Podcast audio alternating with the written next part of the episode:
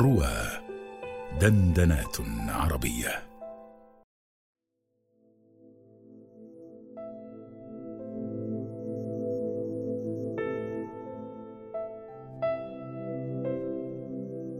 هل أغنتنا نظرية التطور عن الإله الخالق؟ يسأل سائل ألم تفسر نظرية التطور تنوع الحيوانات واختلافها على نحو لم يبق حاجة لافتراض وجود إله خالق؟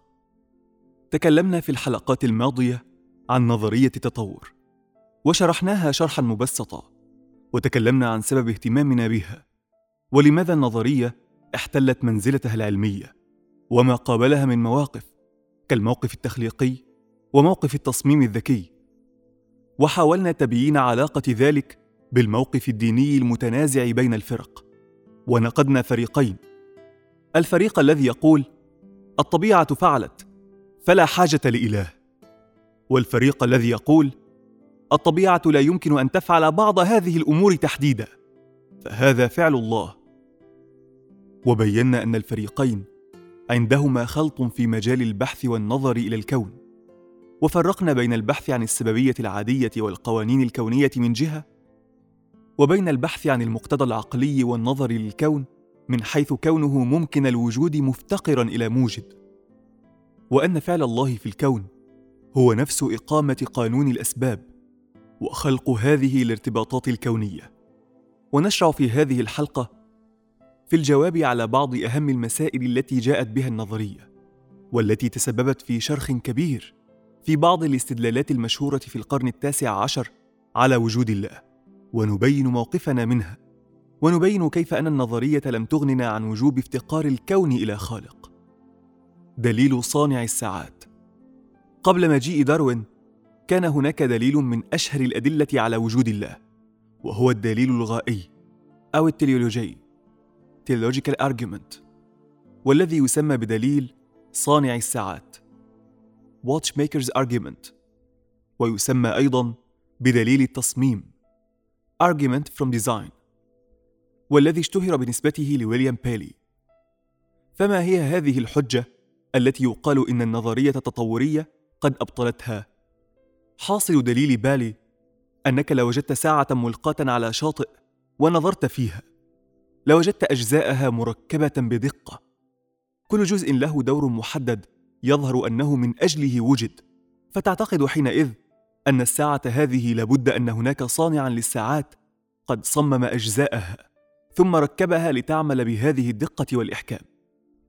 يقول بيلي كذلك في عالم البيولوجيا. لو نظرنا إلى أجزاء الكائنات الحية لوجدناها مصممة مركبة من أجزاء وأعضاء ولوجدنا هناك غاية واضحة في كل خلق لأعضاء المخلوقات. فالرب خلق لنا اليدين لعلة معينة نفعل بها كذا وكذا إلى آخره.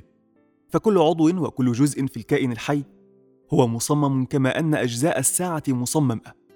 ووجد للقيام بتلك الوظيفة التي صمم من أجلها وكل تصميم لا بد له من مصمم وهو الإله.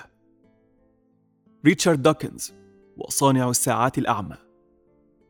ثم جاءت نظرية داروين وأعطت نموذجا لتفسير تعقد الكائنات الحية عبر سنوات طويلة من التغيرات الجينية العشوائية والانتخاب الطبيعي.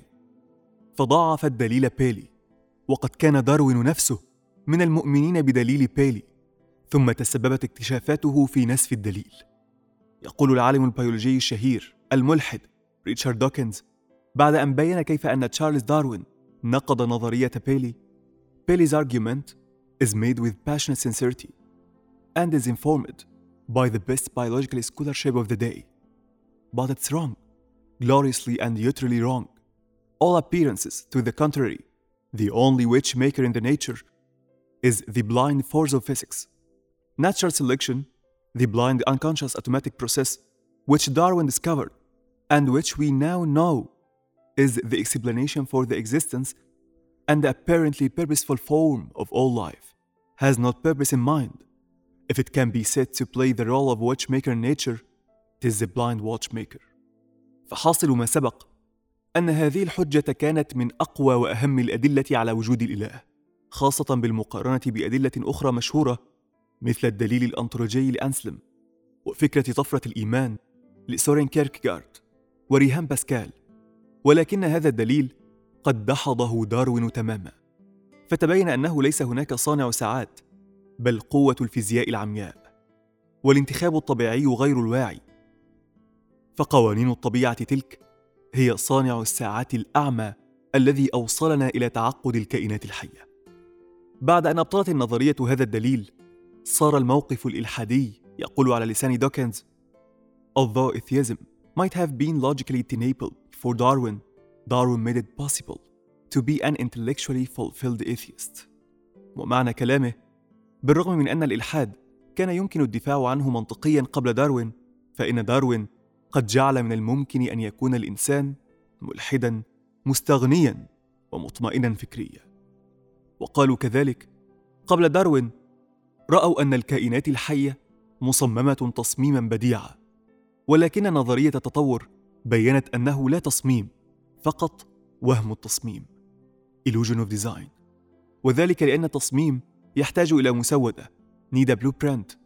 ثم إن المصمم الجيد يخطط لمقصده وينفذه طبقا لهذا المقصد ولكن الذي وجد في الطبيعة على خلاف ذلك. فقد وجدنا الشاسيه القديم الذي كان أصلا لحيوان قبل الحيوان الذي نراه. يتم البناء عليه. فإن نجد أشياء في الحيوانات لا فائدة لها البتة وإنما هي أشياء كانت موجودة في الحيوان الذي تطور عنه. فهذا ليس صنع مصمم.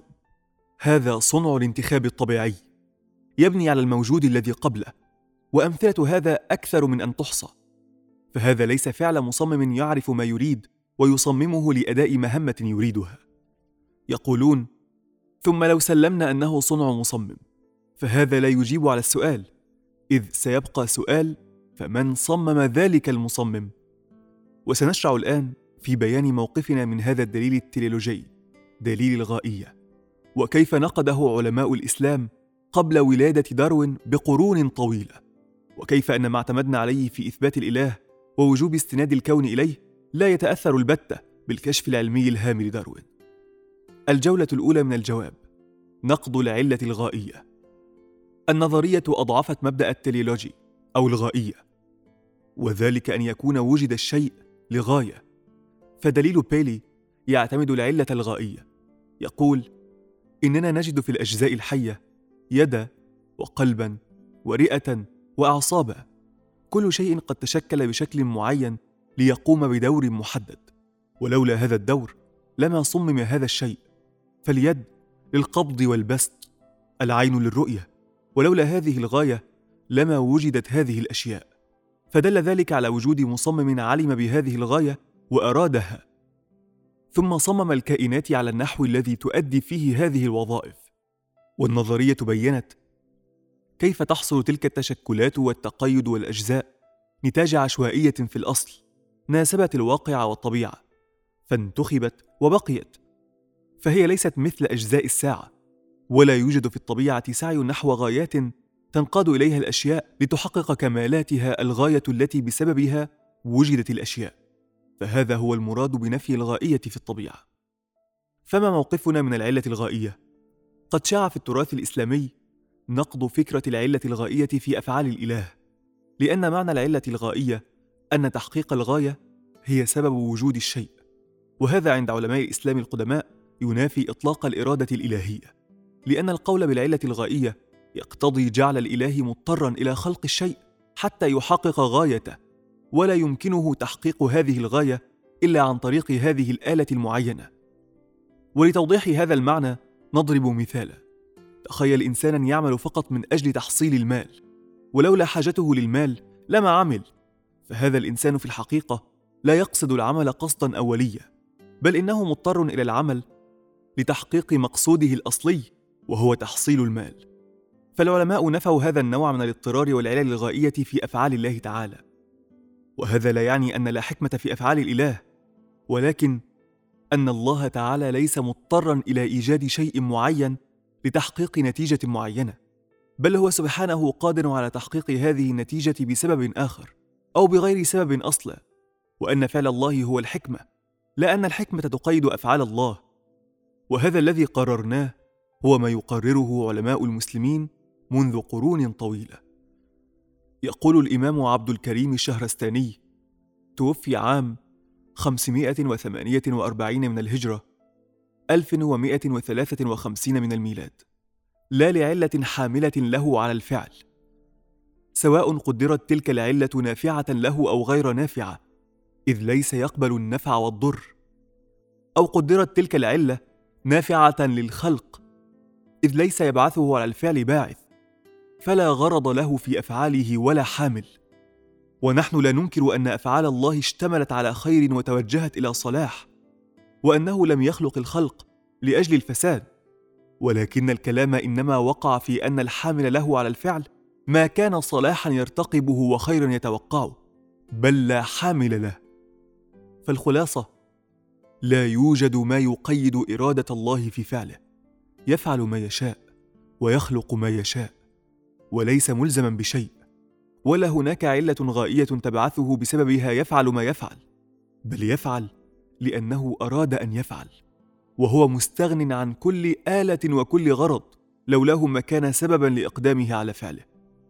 وبالتالي فإننا نقول ان ما نعتقده ليس أن الله أراد تحقيق غايات معينة فخلق الأشياء على هذه الصورة لتحقق غاياتها اضطرارا منه إلى ذلك. بل إن الله قد أراد كل شيء إرادة أولية فأراد أن تحصل التغيرات الجينية العشوائية لأن حصول هذه التغيرات أصلا هو أمر ممكن الوجود وكل ممكن الوجود لا بد له من مسبب. وأن توجد الآثار المترتبة على هذه التغيرات. وحصول الجين الفلاني أو العلاني وما يتبعه من أثر كله معلوم مراد مختار موجد إذ هو من جملة المخلوقات وكل المخلوقات معلومة مرادة مقدرة ضرورة كونها ممكنة الوجود حادثة. فلا شيء يحصل في الكون بلا سبب وأنه عشوائية أو صدفة لا عن شيء بل كل شيء هو فعل الله وإيجاده ولا حصول لشيء في الحقيقة بغير الله. وأن العشوائية بمعنى أننا لا نجد لها نمطا محددا لا يعني أنها حدثت بغير محدث ولا يعني أن من أحدثها لم يكن عالما بها. فالله تعالى عالم بكل شيء ومحدث كل شيء. الله خالق كل شيء وخلق كل شيء فقدره تقديرا وكان أمر الله قدرا مقدورا. وأراد أن تكون الموارد أقل من الحيوانات المتكاثرة وأن يحصل بينها انتخاب يبقى فيه الأليق بالبقاء. وأن تكون هذه المخلوقات قاصرة يعتريها الأمراض والضعف أحيانا. كل ذلك مقصود للإله قصدا اوليا. وإنما الخلل هو عند من يجعل للطبيعة تاثيرا ذاتيا وخلقا ويقول قد أوجدت الطبيعة كذا ولم يوجده الله. هذا والطبيعة نفسها على أي شكل كانت وعلى أي قانون اعتمدت هي في العقل ممكنة. كان يمكن أن تكون أو لا تكون. فافتقرت إلى مرجح واجب الوجود. قد ذكرنا في مقالة سابقة أن سبب افتقار الكون إلى خالق ليس أنه جميل أو أنه متناسق أو أنه غائي تيليلوجيكال بمعنى أن كل جزء من أجزائه خلق لأداء غرض ما لا يتحقق هذا الغرض بدونه أو أنه على هيئة مخصوصة معينة جميلة أو منظمة تنظيما معينا أو متناسقة مع بعضها أو معقدة أو ساذجة. أو مركبة أو بسيطة أو مصممة على أي نوع من أنواع التصميم أو أن الكون ملائم للحياة عليه أو غير ملائم فتوقف الكون على الإله ليس منوطا بأي وصف من هذه الأوصاف ولكنه مرتبط بمجرد كون حقيقته أنه ممكن الوجود أي يستوي وجوده وعدمه من جهة الحكم العقلي فلا يترتب أي تناقض منطقي على وجوده الآن أو على وجوده بصورة أخرى. أو على عدم وجوده أصلا. ولما كان الكون ممكنا كان مفتقرا إلى مرجح يرجح وجوده على عدمه أي يحدثه. فإن الكون لو كان مجرد صخرة صماء لكان مفتقرا إلى المكون لأن هذه الصخرة وجودها ممكن واتصافها بمقدار معين ممكن وجريانها على قوانين معينة ممكن فتحتاج في ابتداء وجودها واستمرارها إلى مخصص. بل لو كان الموجود في الكون ذرة واحدة فقط فسيجري عليها نفس الكلام. ونقول إن الذي قلناه إنما قلناه لقيام الدليل العقلي عليه وليس الدليل الحسي التجريبي. ومن أراد الاستزادة من هذه المسألة فليقرأ مقالتنا عن وجه افتقار الكون إلى الله.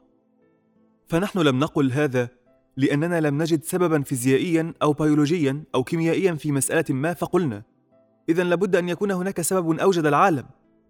فليس بحثنا محاولة لسد جهلنا بل لو فهمنا جميع أسرار الكون وجميع ارتباطات أجزائه بعضها ببعض وجميع ما يسري فيه من قوانين لحكمنا أيضا بأنه مفتقر للخالق الواجب الوجود لأنه ممكن وما قيل في الكون يقال في قوانين الكون التي هي من جملته والتي يجوز بالنظر العقلي أن تكون على غير ما هي عليه.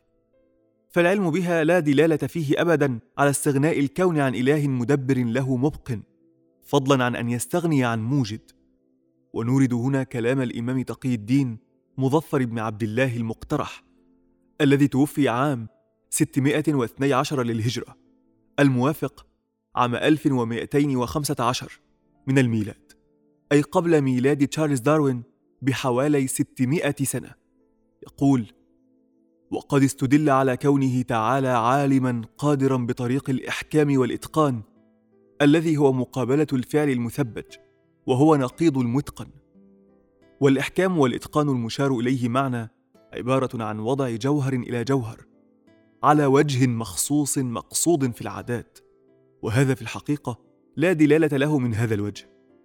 فإنه يختلف بالنسب والإضافة فرب شيء محكم في حق زيد مثبج في حق عمرو فكل ما يختلف بالنسب والإضافات واختلاف العادات لا حقيقة له فلم يدل اذا من هذا الوجه وإنما دل من حيث كونه فعلا لا يختلف بالمثبج والمحكم فالفعل الواحد في الحقيقة يدل على كونه تعالى عالما قادرا مريدا عرضا واحدا كان أو جوهرا أو جسما مثبجا كان أو محكما.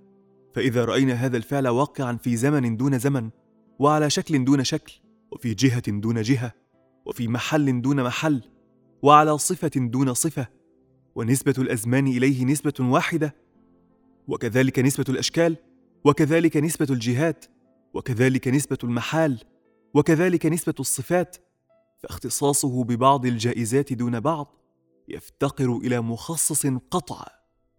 انتهى كلامه رحمه الله. وهو كلام نفيس يظهر وجه دلالة الكون على كونه محتاجا لموجد له ويبطل فكرة الدليل التلولوجي وهو مذكور قبل ميلاد داروين بقرون. فيتبين منه استقرار هذه الفكرة في التراث الإسلامي وأنها ليست رد فعل لنظرية التطور. الجولة الثانية من الجواب. نقد فكرة التصميم الكامل. يفترض الملحد كدوكنز مثلا أن هناك تصميما كاملا كان ينبغي للشيء أن يكون عليه.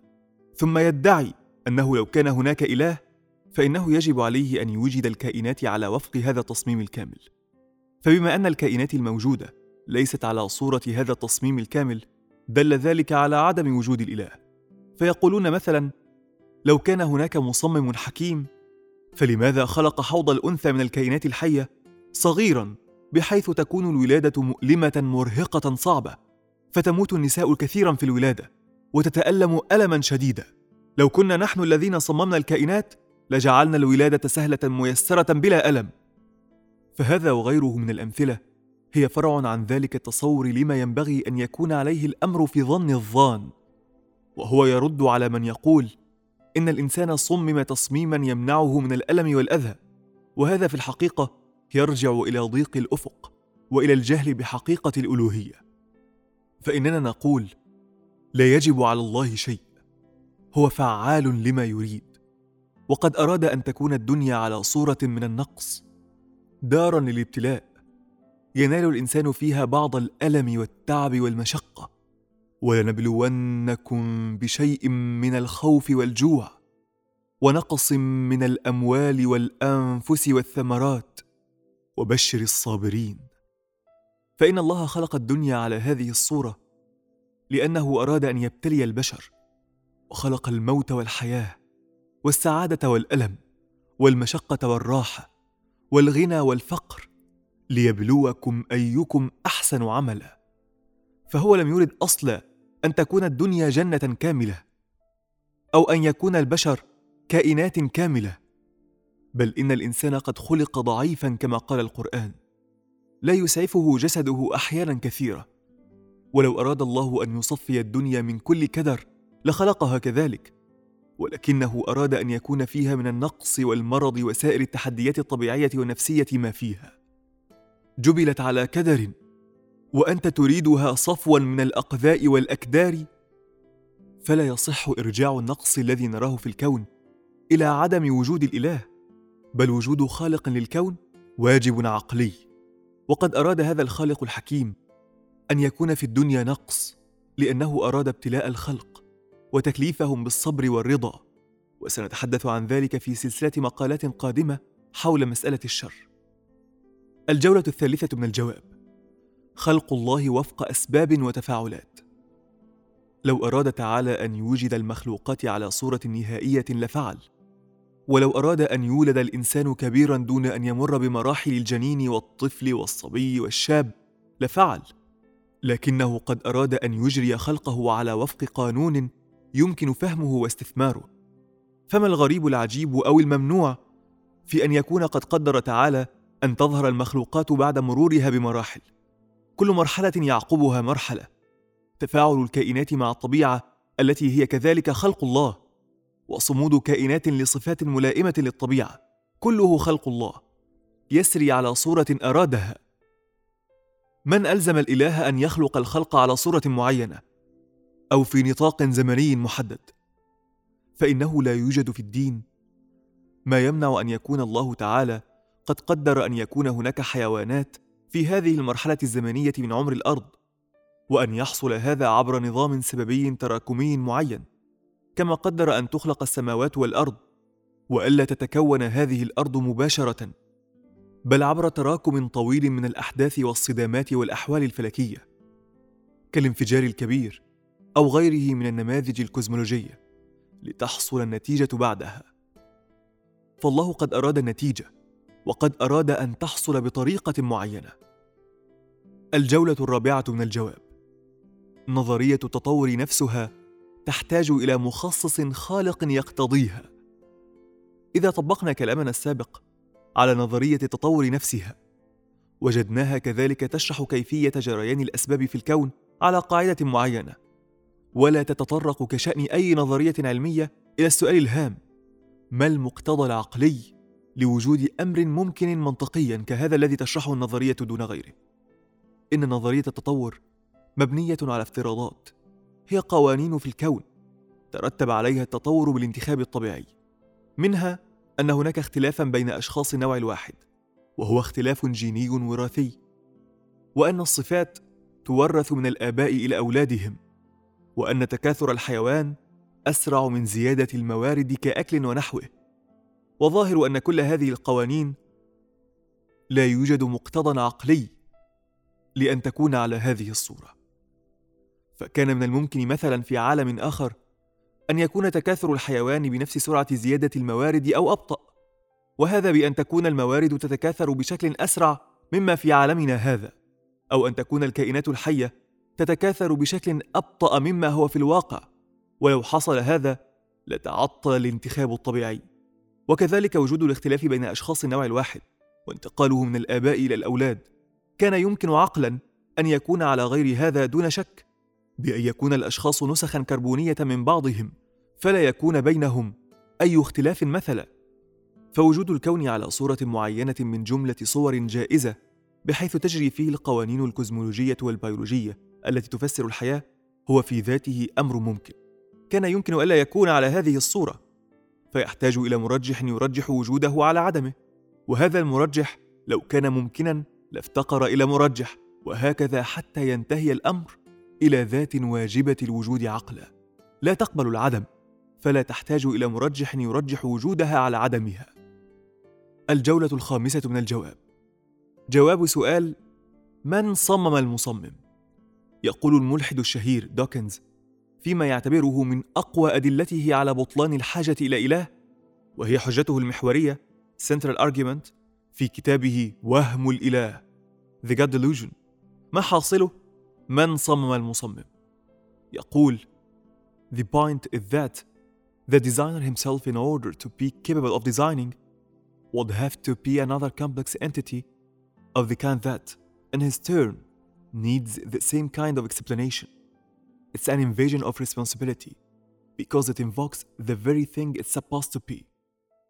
والجواب على الشبهة الواهية أنه أولاً عنده خلط في جهات البحث إذ ريتشارد دوكنز لا انشغال له كبير بدراسة الفلسفة وهو كثيرا ما يقول I'm a scientist not a philosopher. ولكن في نفس الوقت فإنه يدخل نفسه في قضايا فلسفية عديدة ويقول كلاما عجيبا فنقول تعقد الكائنات أو الكون أو عدم تعقده ليس هو جهة النظر التي استدللنا بها على وجوب افتقاره إلى خالق ولا استبعادنا أن تتشكل الكائنات عن طريق الانتخاب الطبيعي. هو الذي ألجأنا إلى القول بأن الله خالق كل شيء. بل الجهة التي دعتنا إلى القول بوجوب افتقار الكون واحتياجه إلى خالق أنه ممكن الوجود أي أنه موجود على هيئة وصورة معينة كان يمكن ألا يكون عليها أو ألا يوجد أصله وأنه حادث وأن هذا يدل على افتقاره إلى ذات واجبة الوجود لا تقبل الانتفاء أبدا ولا تتصف بنفس صفات الكون التي دلت على أنه ممكن الوجود. فلا تقبل هذه الذات التغير ولا التحيز وغير ذلك من صفات الممكنات. فكما أننا إذا رأينا المشترك الكهربائي علمنا بالتأمل فيه أنه ليس مصدرا للكهرباء بل إنه مجرد موصل معتمد في وجود الكهرباء على مصدر ما. فكذلك إذا نظرنا في الكون وجدناه ممكنا وعلمنا بالعقل أن كل ممكن لا بد له من سبب مرجح وأن سلسلة الأسباب لا بد أن تنتهي إلى واجب الوجود. الذي وجوده ذاتي أزلي أبدي وهو منزه عن كل صفات الممكنات. خاتمة. فتبين من هذا أن نظرية التطور لا يلزم عنها الإلحاد ولا عدم احتياج العالم لإله وأنها ليست سوى وصف لأحد مظاهر الكون والعلاقات والأحوال المبثوثة فيه. وأننا نعتقد أن الله عز وجل قد أقام الدنيا على وفق قانون الأسباب الذي تكشف عنه النظريات العلمية كنظرية التطور. تصيب تلك النظريات العلمية أو تقارب الصواب. ويبني اللاحق منها على السابق فيتقدم العلم. وإن المسيرة العلمية كما تضررت من محاولات الكهان ورجال الدين التدخل فيه وفرض قيود عليه فإننا نعتقد أنها ستتضرر لا محالة من محاولات كهان الإلحاد ورجاله لاستعمال النظريات العلمية وتطويعها في خدمة أفكارهم الشخصية.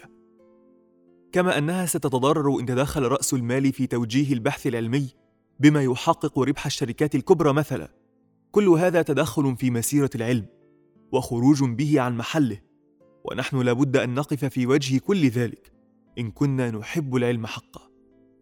وقلنا إننا ننفي العلة الغائية في الفعل الإلهي ونقول إن الله قد أراد أن يخلق الدنيا فيها من النقائص والأكدار لأنها دار ابتلاء وأنه لا مانع في الدين من أن يكون الله قد أراد أن يخلق الخلق عبر سلسلة طويلة من التفاعلات والأحداث الكونية. وأن نظرية التطور نفسها تنبني على أصول axioms ممكنة تحتاج إلى مرجح وخالق وأن الإله مغاير في طبيعته للكون فليس ممكنا مفتقرا متغيرا متحيزا. فيحتاج إلى خالق.